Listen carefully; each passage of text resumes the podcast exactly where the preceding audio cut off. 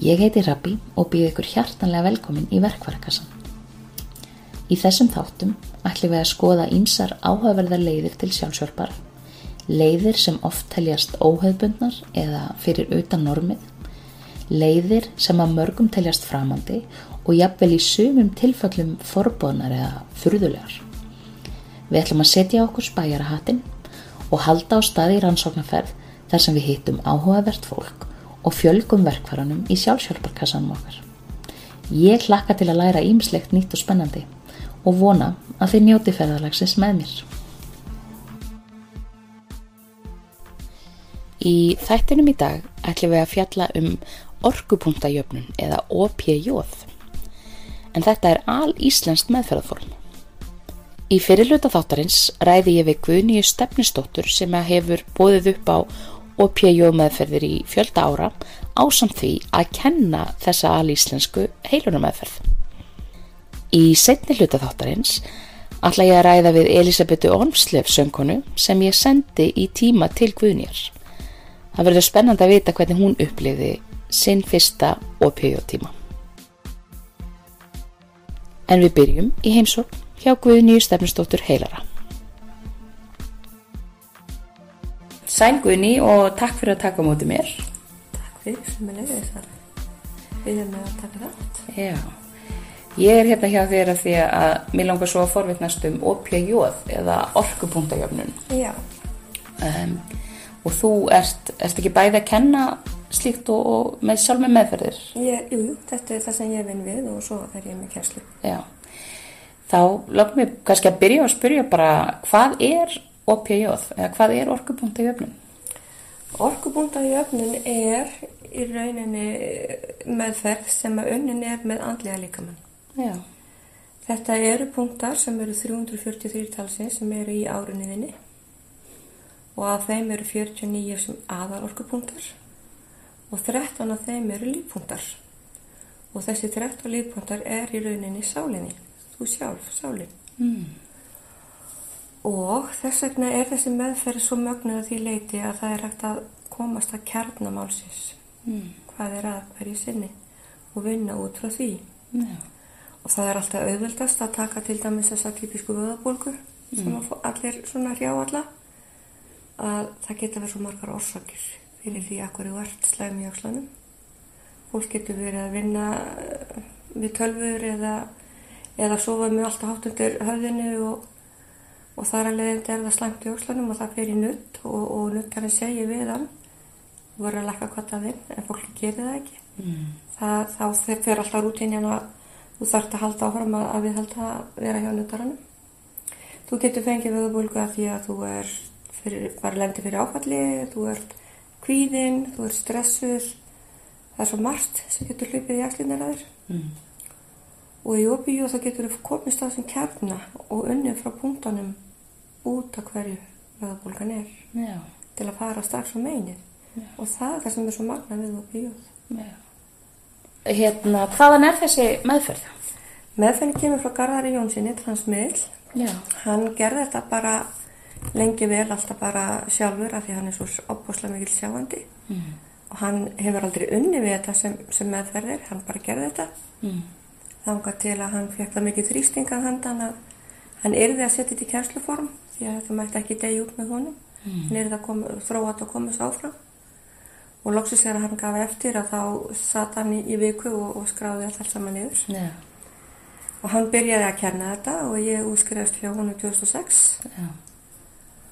og svo kom að því að hann setti boltan yfir til mín þar sem að hann hætti kennslu mm. og leta þetta alfar í hendinu mér þannig að ég tók, tók við þessum pakka og búin að vera að kenna þetta núni í nokkur ár yeah. Það þetta er alíslensk meðferð? Þetta er alíslensk meðferð. Já, og hver gæmast það til kannski en hér? Ég held ekki, nei. Nei, það er mjög áhugavert. Þetta er mjög áhugavert, af því þetta er ekki sama og orkubreyti líka með svo annað. Þar eru punktanir staðsettir öðrum stöðum. Já. Þetta er andlegi líka með það, þarf að, að muna það. Já. Og hvað eru margir búinir að rúla í gegnum skólan hjá þér? Hefur einhverju hugmyndið um það? Nei, en ég hef þetta í svona bekkjum þegar fólk skráður sig og þá fer það í bekki og það er mjög samt hvað eru margir í bekknum og mjög samt hvað margir klárar og annað en ég var að byrja núna bara fyrir halvum mánu á bekkarlegu. Ok, Þannig að þetta gengur mjög vel. já. Og hvað tekur langa tíma að læra opíu? Það tekur svona tæft ár. Þetta eru fjögur stig sem þarf að taka til úrskriftar Já, og þú eru tekin á svona 10-12 mánunum. já, Svona fer eftir pressunni frá fólki. Fólk vil náttúrulega ólmt klára þetta fyrr sko. já. En það er alveg ástæða fyrir því að við lengjum þetta aðeins. Já, og hvað ástæði það? Það er ástæðan, það er kvatastöðin. Já, Það hún er svo opbóslega mikilvæg já, og það er svo ofsvöldlega mikið sem er þar og fólk fær ekki að fara í hann fyrir nú þriðastíði. Mm. Þú bara færð ekkert að fyrst í henni. nei, Því það eru margir hluti sem að gerast Já. og hægt er að fara inn á. já, Og það þarf að líða langt vil eða svona 3-4 mánir á milli stíð 2 og stíð 3 Mm. og þarf að æfa þig svolítið á hún ferðin í, já. inn í stíð 3 og í, í kvætastöð. Kvatastöð er þá, hún er önnur orkustöðin, ef við Já, telja sér við númurum þar, sem er appi sínu gula. apsningula sem er staðsett yfir æxlunafærum. Já. Já. Hvernig, hvernig kynnist þú opíu? Ég kynntist í þannig að árið 2001 að þá misti ég manni minn.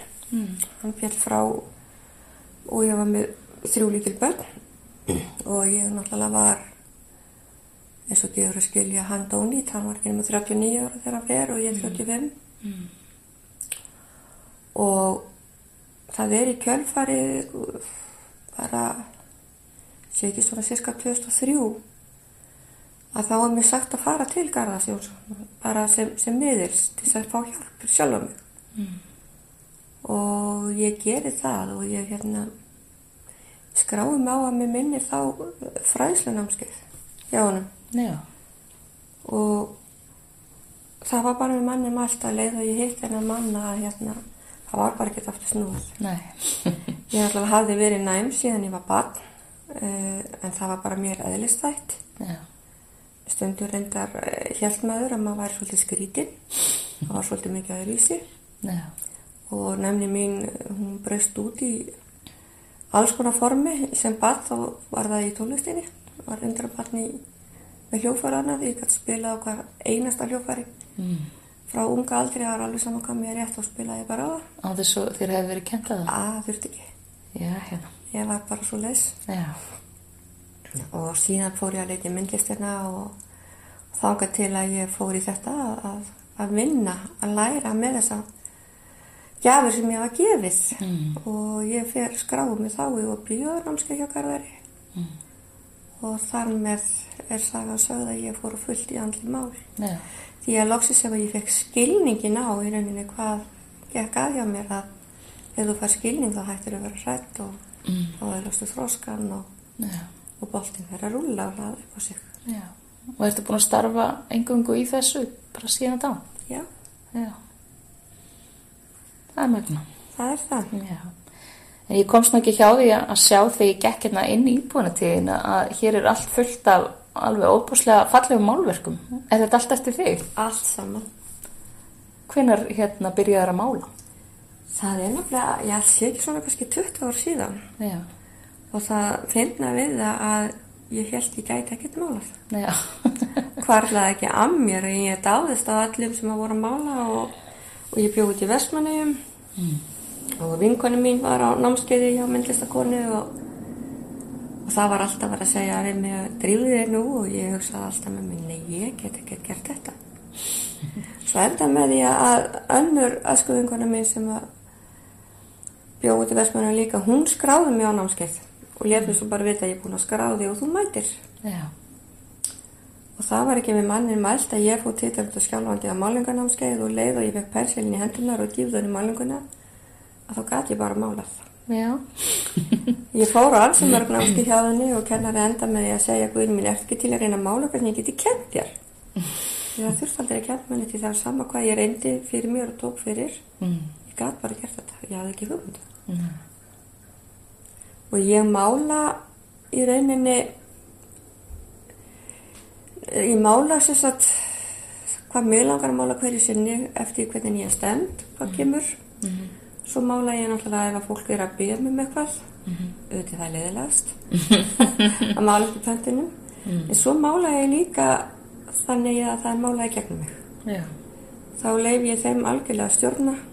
Ég segi kannski bara ég ætla að nota þessa liti og svo ráðu því hvað kemur. Og þá mála ég með báðum höndum og lokuð augunum og alls konar og, og svo bara kemur fólk og alls konar í gegn sem að ég myndi þar og það finnst mér rosalega gaman. Já. og það er svo merkilegt frá því að segja að það er svona nokkru mömmi þegar ég málaði ég málaði mynd af, eftirljósmynd af, solsitri í Vestmanni sem er frá kirkjugarðinum. Já. og það er svo förðulegt að, að hérna hverskipti ég fór á og vann í þessari mynd að þá hendi ég alltaf penslanum frá mér og ég málaði bara með vinstri hendinni, puttunum og ég er rétt hend Já, ok. en að öll myndin er máli með vinstri hendinni og fingrunum þannig já svona gerist þetta bara En þú segir að, að það sé málað í gegnum því. Hverjir eru það þá sem er að mála? Veistu það? ekki alveg ég veit að það er gammal maður sem fljóti í Vestmanni sem málaði mikið eh, af bátamyndum öðru sem kom að transmiðli með transmyndi og spurði hvert það mætti vera með mér Mm. og ég gaf náttúrulega leif fyrir því svo hef, var ég einu sinni spurð af, af miðli sem býr á Akranesi með hérna ah, þenn- þennan sem að málaði englana alla í, í gömlu kirkjunum Já. mann ég ekki nafni á honum Nei. Hér á Íslandi þá? Nei, Nei. einhvers staðar út á Ítalíu eða einhvers staðar Já, ok. hvert það gæti verið að hann væri með mér Það þegar er Michelangelo? Já, Michelangelo, það var akkurat því að hún saði þegar ég væri að mála engla að þá væri hann sæði hún hann svo stjart hjá mér Já, ok. og ég tók því bara fagnandi það er ekki slæmi það er ekki slæmi félagskapur Já. En hvernig er með eins og hana? Getur þú gripið bara hvað sem er og spilað á það núna? já, já, Ok. það, það, er, það er ekkert mál Já, hérna. Ég vildi ég hefði þessar gáðs.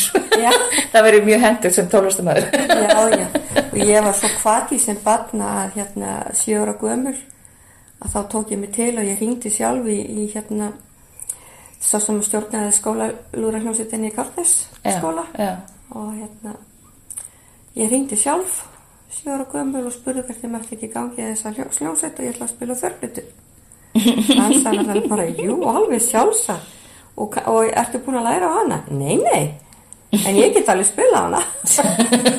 Þetta fekk ég ekki tingengu en, en svona var hvað sem hjá mér. Ég, hérna, og ofið trúin því að hérna, já, ég vildi gera þetta og þá bara Já. Hefur einhvern tíma að skoða hvaða tónlistafólk er það hann á bakveði? ég hef ekki gert Nei. ég hef ekki gert það ég skráði mig í orgelnám Já. og vinkonu mín var að læra orgel í, í orgelskóla Yamaha 11 og 12 ára og hérna ég þótti þetta alveg magna svo fer ég á tónleika hjá henni á Hotel Sögu og ég skráði mig bara í námið og vitandi það ég mætti það ekki því það voru ekkert í peninga fyrir þessu. Svo kom ég heim og ég setti bara hendur á mjög mér og sagði ég ætla bara að láta ykkur vita því.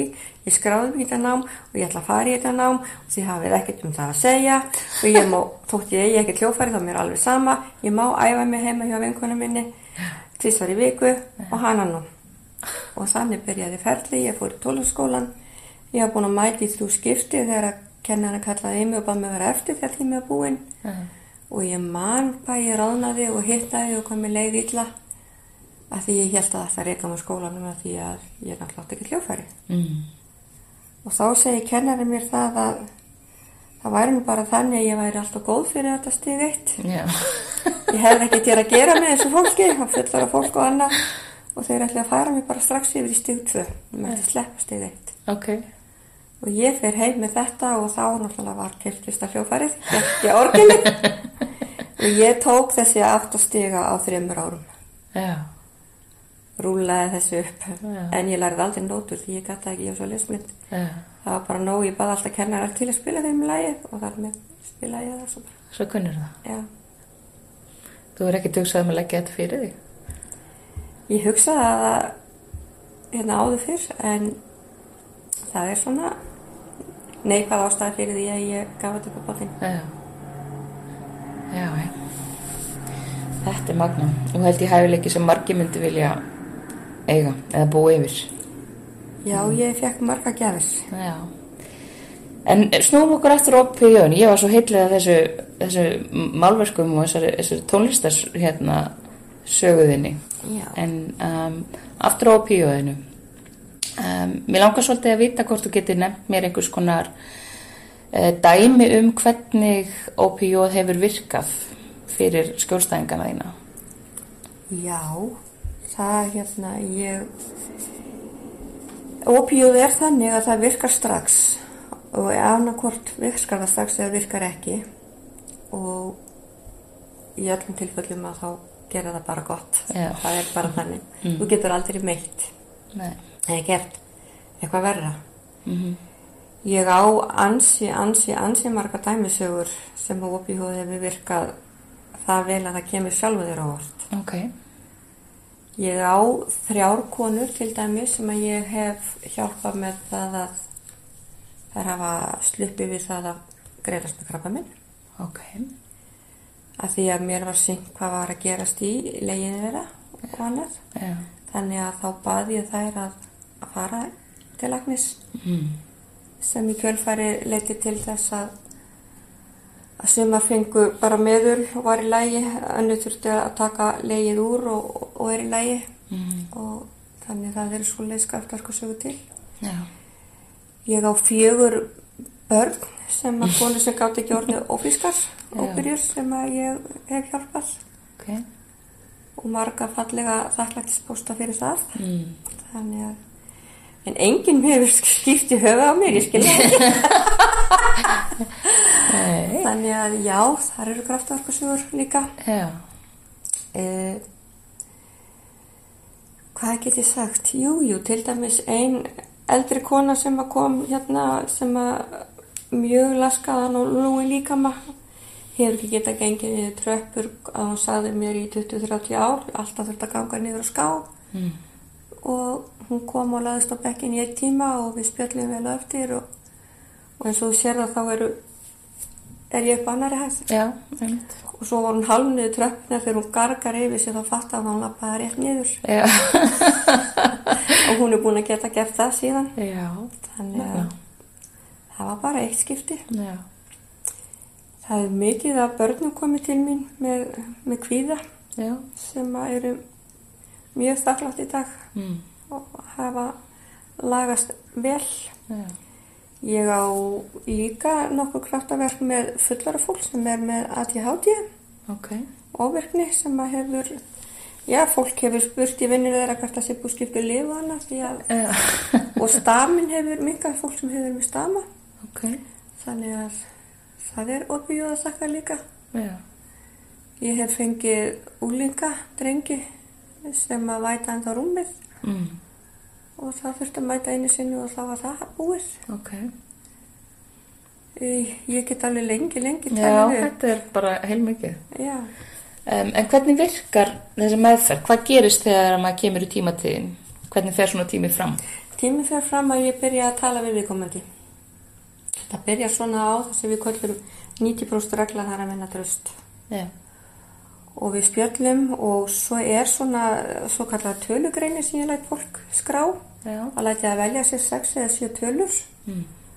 og það er svo skrítið með þessar tölur að ég les úr þessum tölum eins og fólk sem leggur tarotspili eða eitthvað. Það gerðist í einu tíma að, að hérna þá var kallmaður hjá mér og ég leta hann velja tölur og hann segir við mig og hvað lestu svo um tölunum?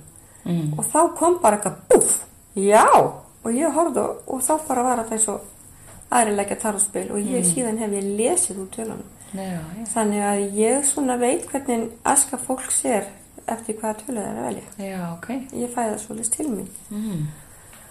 Og að segja náttúrulega til um það hvað, hvað með þegar fólk er að velja sér, hvað sálinn er að segja mér. Mm Og ég vinn eftir því. Og svo þegar ég er búin að vinna eftir því að þá vinn ég heili, heilum segja ég fyrir mm Og ég les í orku. Þannig að ég fæ allar upplýsingarnar í orkunni eftir hvernig ég sé hana. Það er náttúrulega alltaf þannig að allir fá upplýsingarnar til sín eins og þeir skilja já. skilja þær. Þannig að ég sé í orkunni og ég les orkuna og þannig fæ ég upplýsingarnar og, og svo þegar þeir vilja mig ekki lengur að þá sest ég og ég skrifa niður allt sem að fór fram, hvað var opíóð að gera, hvað ég fekk að sjá og svo ræðum við saman aftur og þetta tekur tíminn hjá mér, tekur 90 mínútur. Stundum hefur það farið fram með þér en ég reynir nú að halda mér að markan á að vera 90 mínútur. Já. En ertu þá að þrýsta á einhverja punta eða ertu bara að fólk bara velur sér sem sagt, þessa punta sem það vil vinna með og svo ert þú í rauninni setur þú bara heiluna ferli á stað. Já, Já. þetta er ekki eins og ég segja að þetta er andli líkaminn, Já. þá er þetta ekki að þrýsta fast á líkamann. Nei. Þú ert, þetta eru bara léttastrókur og létt snerting. Já. Og svo eru sumi punktar á viðkvæmi stöðum og þá snerti ég ekki neitt, þá er ég bara fyrir ofansvæði. Já. Til dæmis andlit og, og, og kemfarasvæði, þá kemur maður ekki við. Nei, einmitt. Þetta er mjög áhugavert. Mjög sérstaklega heillandi að, að hérna, þessi, þessi meðferð sé bara til á Íslandi. Það finnst mér alveg magnað. Það er það. Já. Þú er ekkert hugsaður að fara í útrás. Oft hugsaða, en fyrst var ég að læra ennskun. Já. Getur ekki lært hana bara eins og læra hljóðfæri? Jú, öruglega. Kant hann ekki bara? Jú, öruglega. Allavega ef ég þarf að tala hana þá ger ég það alveg. Sko. Já, já, já. já. Alltaf þetta sé ekki bara eitthvað smá feimni. Já. Um, mér langar til að spyrja þig hvort að þú hafir fundið fyrir einhvers konar fordómum þegar þú segir fólki við hvað þú starfar og, og hvað þú ert að gera. Nei, ég hef ekki lendið því. Nei. Þetta þegar lagnar spyrja mig, þar sem ég geng til lagnis, hvað ég er að starfa og svona, þá hika ég ekki við að segja þetta og þeir segja ekki neitt sem ég set upp svip og segja já, já, mér er alveg sama hvað gott kemur Já. og það er bara að döga mér alveg. Já. En mér finnst svo merkilegt með þetta að mikið af fólki sem kemur til mín eru mitt lagnar og sérmyndaði lagnar. Já, áhugavert. Þannig að það segir mér að það eru tölverða breytingar Já. með hugafar að þessu. Já. Er þetta fólk á öllum aldri? Fólk og allum aldrei, já. Já. já. Það er mjög merkilegt Það og- er mjög jákvægt. Það er mjög jákvægt. Mér finnst það. Og ég hef verið beðin um að vinna með sjúkling sem að lág í öndunum, ég lág með sjúkrási og framfæriðna voru það miklar að, að þegar ég mætti að þá tiplaði starfsfólki bæði hjúgrunarfræðingur og lagnar í kringum mig. Hvað getum við gert, hvernig viltu hafa þetta? Við gerum þetta svona, við gerum þetta hins veginn? Og ég var alveg bara, halló bara vinni þið ykkar vinnu og ég tek svo bara við. Já. þannig að hérna já, ég var alveg litið af mig sem einn af þeim þegar Já. ég kom og gerði mig Já. Myndur þú vilja sjá meiri samvinnu? það er það sem ég vil sjá því að ég held að það sé nöysinlegt Mm. að bæði fólk hafi val Já. ef að lækna myndi líka geta bent fólki á að koma í þetta Mm -hmm. af því að andlið þáttun og líkanlega þáttun þetta verður að vinna saman Já. það er það sem er svo nöysilegt Mm. þetta er ekki Guð álmáttuður þessa meðferð Nei. ef ég sé eitthvað sem er að þá bendi ég fólki þetta að fara til sérfæðings og læknis Já. það er ekki mitt að taka ábúr það að reyna að lækna það Nei. alls ekki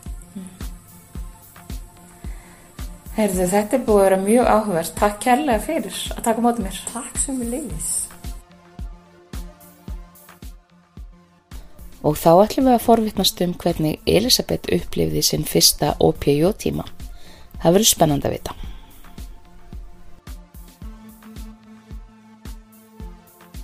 Sælu blessið, Elisabeth. Hæ, Gaman að sjá þig. sem Og takk fyrir að taka þátt í þessari tilraun með okkur. Mín var ánægjan. Mér langar kannski fyrst að spurja þig bara fyrir þá sem þekkja þig ekki eða svo ólíklega vill til að einhver veit ekki hver þú ert. Þá máttu gefna að segja mér það. Já, ég heiti Elisabeth Ormslev, ég er söngkona, ég er 27 ára, ég byggjum Mósvöldsbæ. Um, hefuru verið að pæla í eða prófað einhverju svona óhaupundnar eða heildræna meðferðir áður?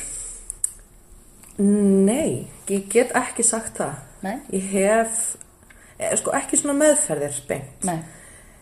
en ég hef farið í svona, svona kakóseremóniur, ekki margar endar.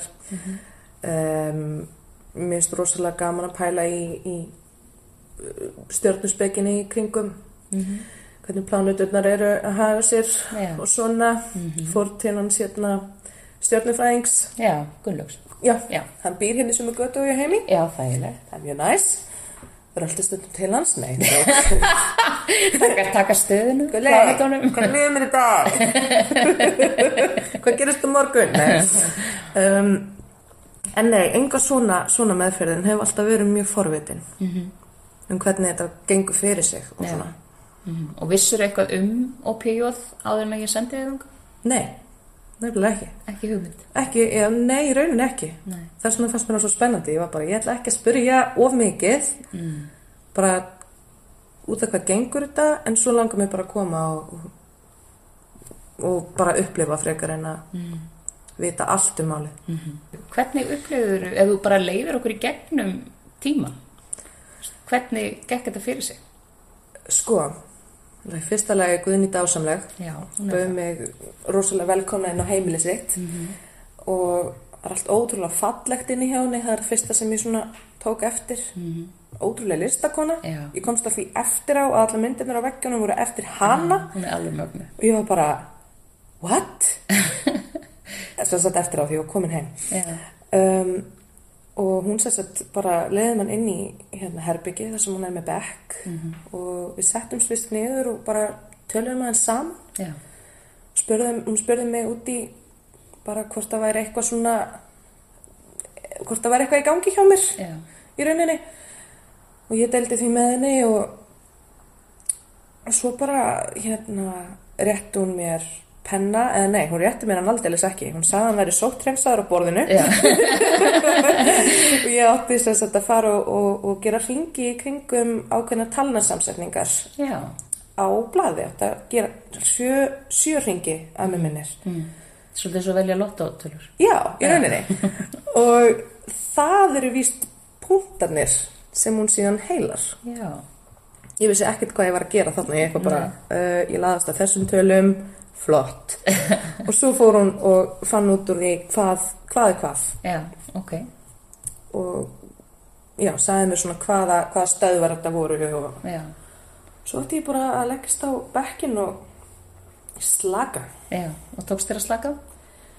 Uh, ekki fyrst. Nei, Uh, hún sagði mér frá svona hvað sumir upplifa sumir verða hrættir og sumir verða kvíðnir og sumir fríka út já, í miðri heilun. Þá fekk ég svona pínu kvíðanhút af því ég er búin að vera sjálf á svona frekar búið að vera erfiðu tími já, eins og bara hjá öllum.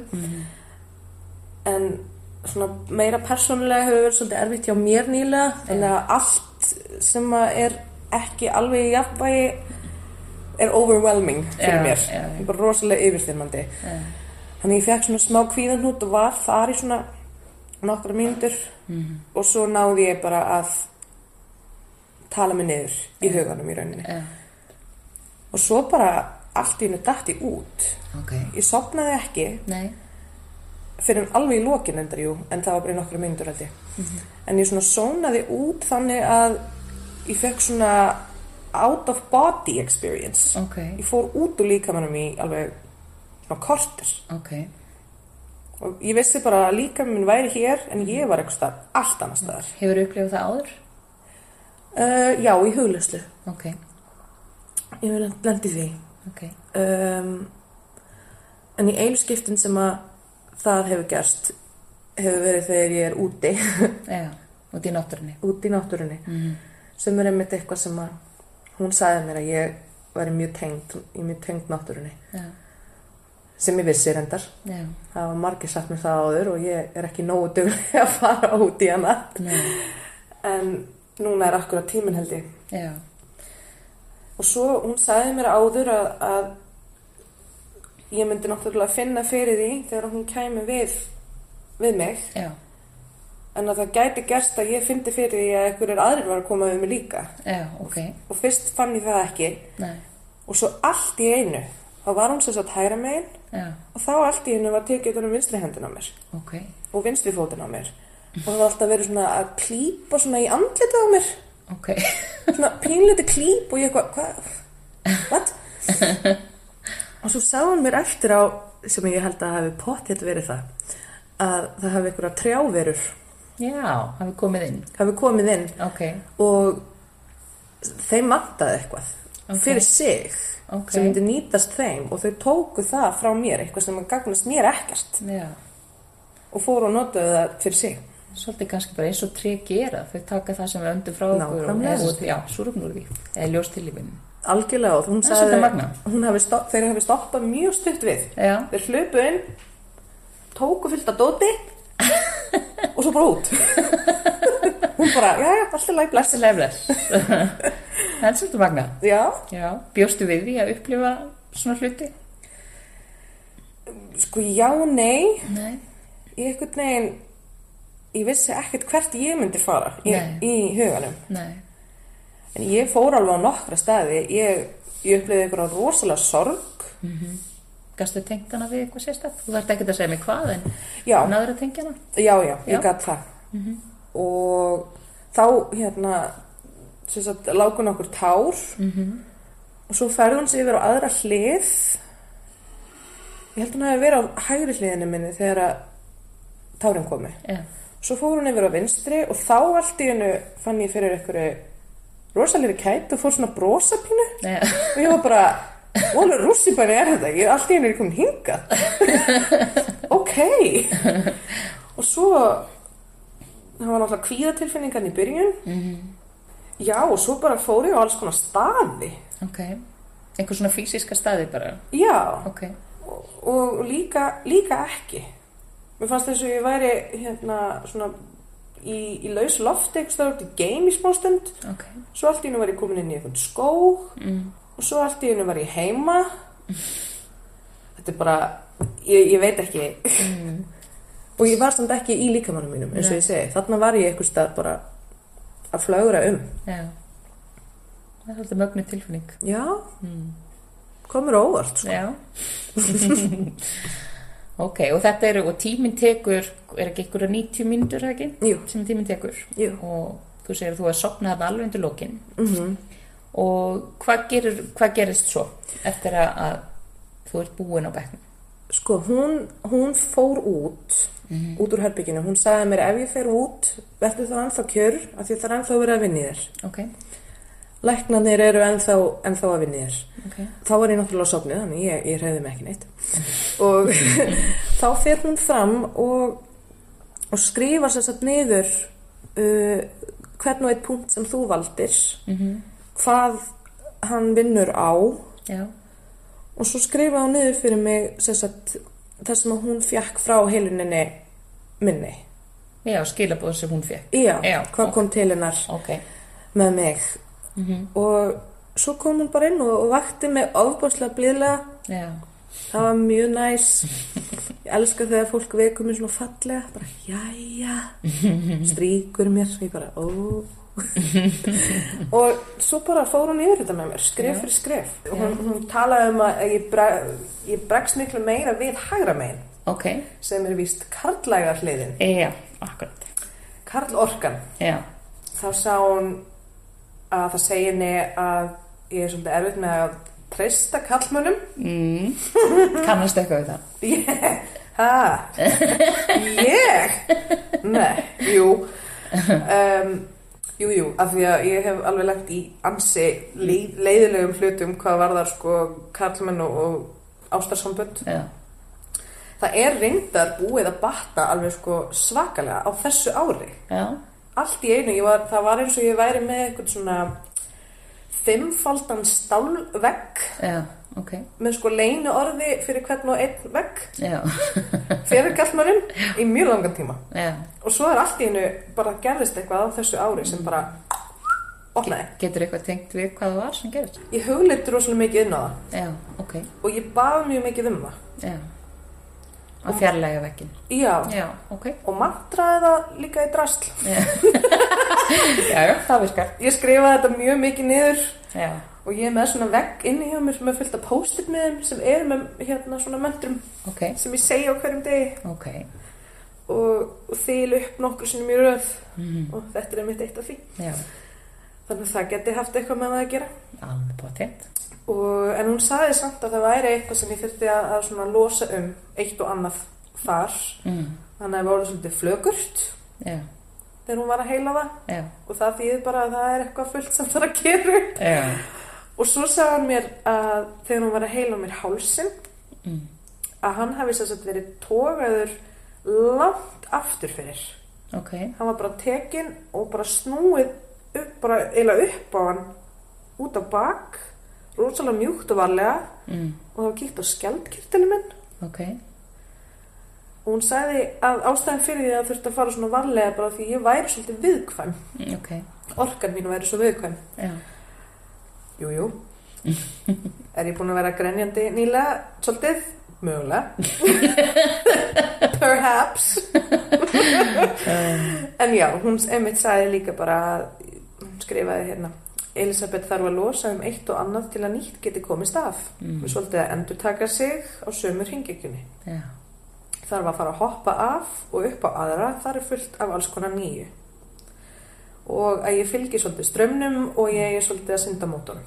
ok, og allt þetta var bara mm -hmm, mm, já segir ekki þetta eru yfirleitt hluti sem maður veit en maður vantar svona staðfestinguna á að já og bara heyra eitthvað algjörlega ó algjörlega hlutlausan segja það við mann líka. Já, af því að fjölskyldamanns getur sagt þetta og vinumanns getur sagt þetta. Mhm, fólk sem er með manni alltaf. Já, þeir, já já, auðvitað vita þeir þetta. Mhm. en af einhverjum ástæðum af hverju hlusta maður meira á hlutlaust fólk heldur en þeir sem að þekkja mann best.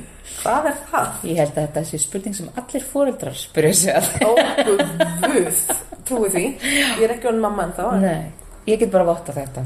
Já, já, já en svo lengi sem að þú veist, fólk heyrir það frá einhverjum þá skiptir það ekki máli. Einmitt, frá hverjum gott kemur. Einmitt. Hmm. Ef það er bara mynd þú veist, Ef það er í kærleika sem að það er sagt þá, já, einmitt þá er það bara undir þér komið hvernig þú tekur því og, já, og svona.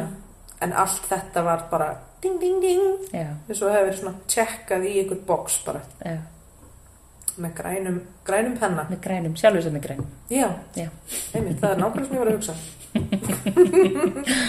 Og hvernig er þið svo búið að líða eftir tíman Sko, beint eftir tíman þá var ég alveg búin á því. Já, En ég var líka alveg búin á því fyrir hann svo sem. Um, og kom heim. Við fórum alltaf inn að langa rosa mikið í súpu. Er það óvinnilegt? ég var aldrei, bú, ég var aldrei bara svona jæja, nú ætlum ég að búa til súpu. Þannig ég fór heim og hvað, hvað á ég? Og ég bara bjóð til súpu. Ok, ég var að fá eitthvað svona auðvelt og svona comforting já, og heitt og gott. Það var svo kallt, það var rost, já það var annað sem ég upplifði í, í heluninni já, allt í henni var mér rosalega kallt á höndum ok alveg bara svona freezing kallt mm. en ég gerði ekkert í því að því eins og ég segi hausinn á mér var annar staðar. Já, og um, ég er samt ég, mér er búin að líða betur. Ok. ég er búin að vera léttari. Mm. ég var svo óbúslega þung.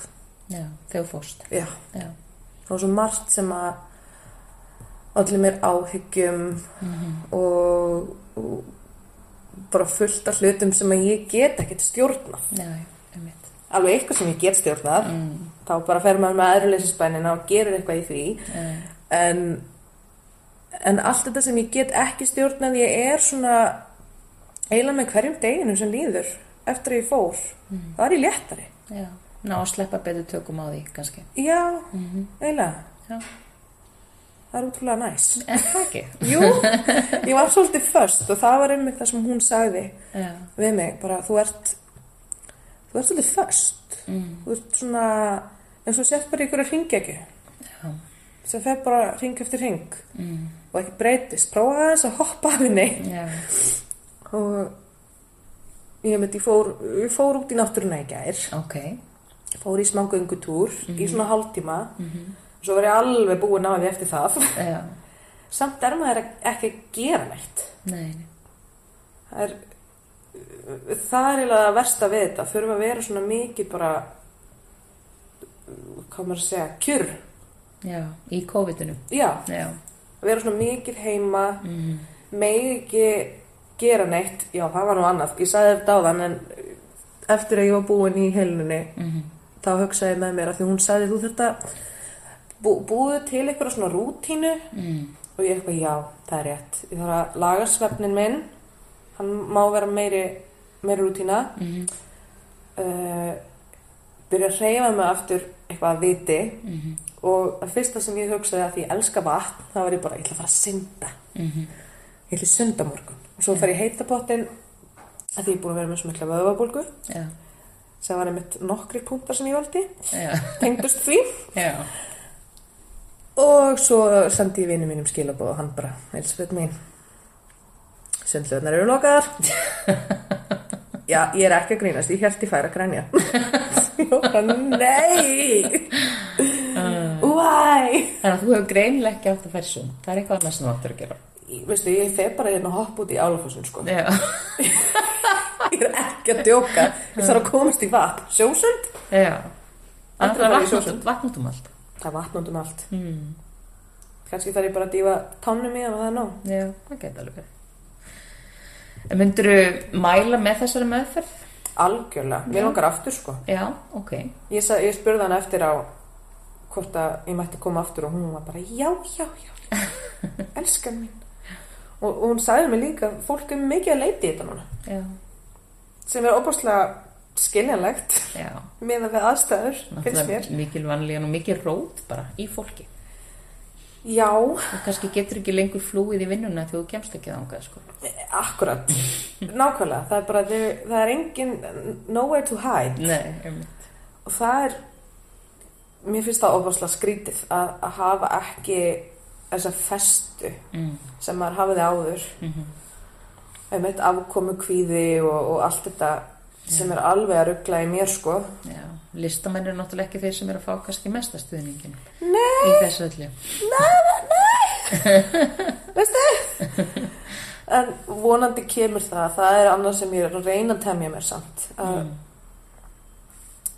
að stilla hausinn bara í, á jákvæðina já. bara að þetta kemur Mm þetta er á leiðinni, ég veit að, ég veit að þetta er í vinslu Já, það væri bara fínt að fá eitthvað út úr því svona hvað og hverju já. Nei, ég segi bara svona En hérna Já, að reyna að festast ekki í neikvæðinni Já, Það er útrúlega mikilvægt Því ég get alveg fest þar í smá stund Sko, mm. Getum við það ekki öll? jú, Svo lengi sem það dvelur ekki langdvölum í henni. já Hvað er langt vel? Er það heilt dag? Það ég hef alveg verið allan daginn yeah. En svo líka náttúrulega allar tilfinningar eru eðlilegar og maður þarf bara hleypa þeim öllum út. Það er alveg sama hvaða tilfinning það er. Mm. Og ef þú ert neikvæð þann daginn, þá ertu bara neikvæð og svo kemur bara betur dagur Mhm. á eftir. Maður vaknar bara, bara í ákvæður daginn eftir.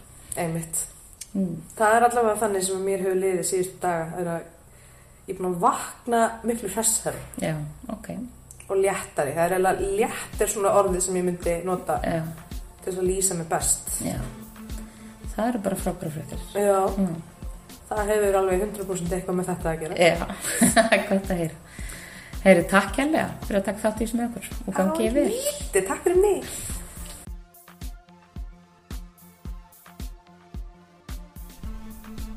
Þú varst að hlusta á verkvarakassan. Í næsta þætti ætla ég að fjalla um börn og hvernig heildræna meðferðir geta nýst börnum og fóruðurum þeirra til að takast á við ímiskonar vannlíðan barna. Ég heiti Rappi, takk fyrir að hlusta og ég hlakka til að vera með ykkur næst.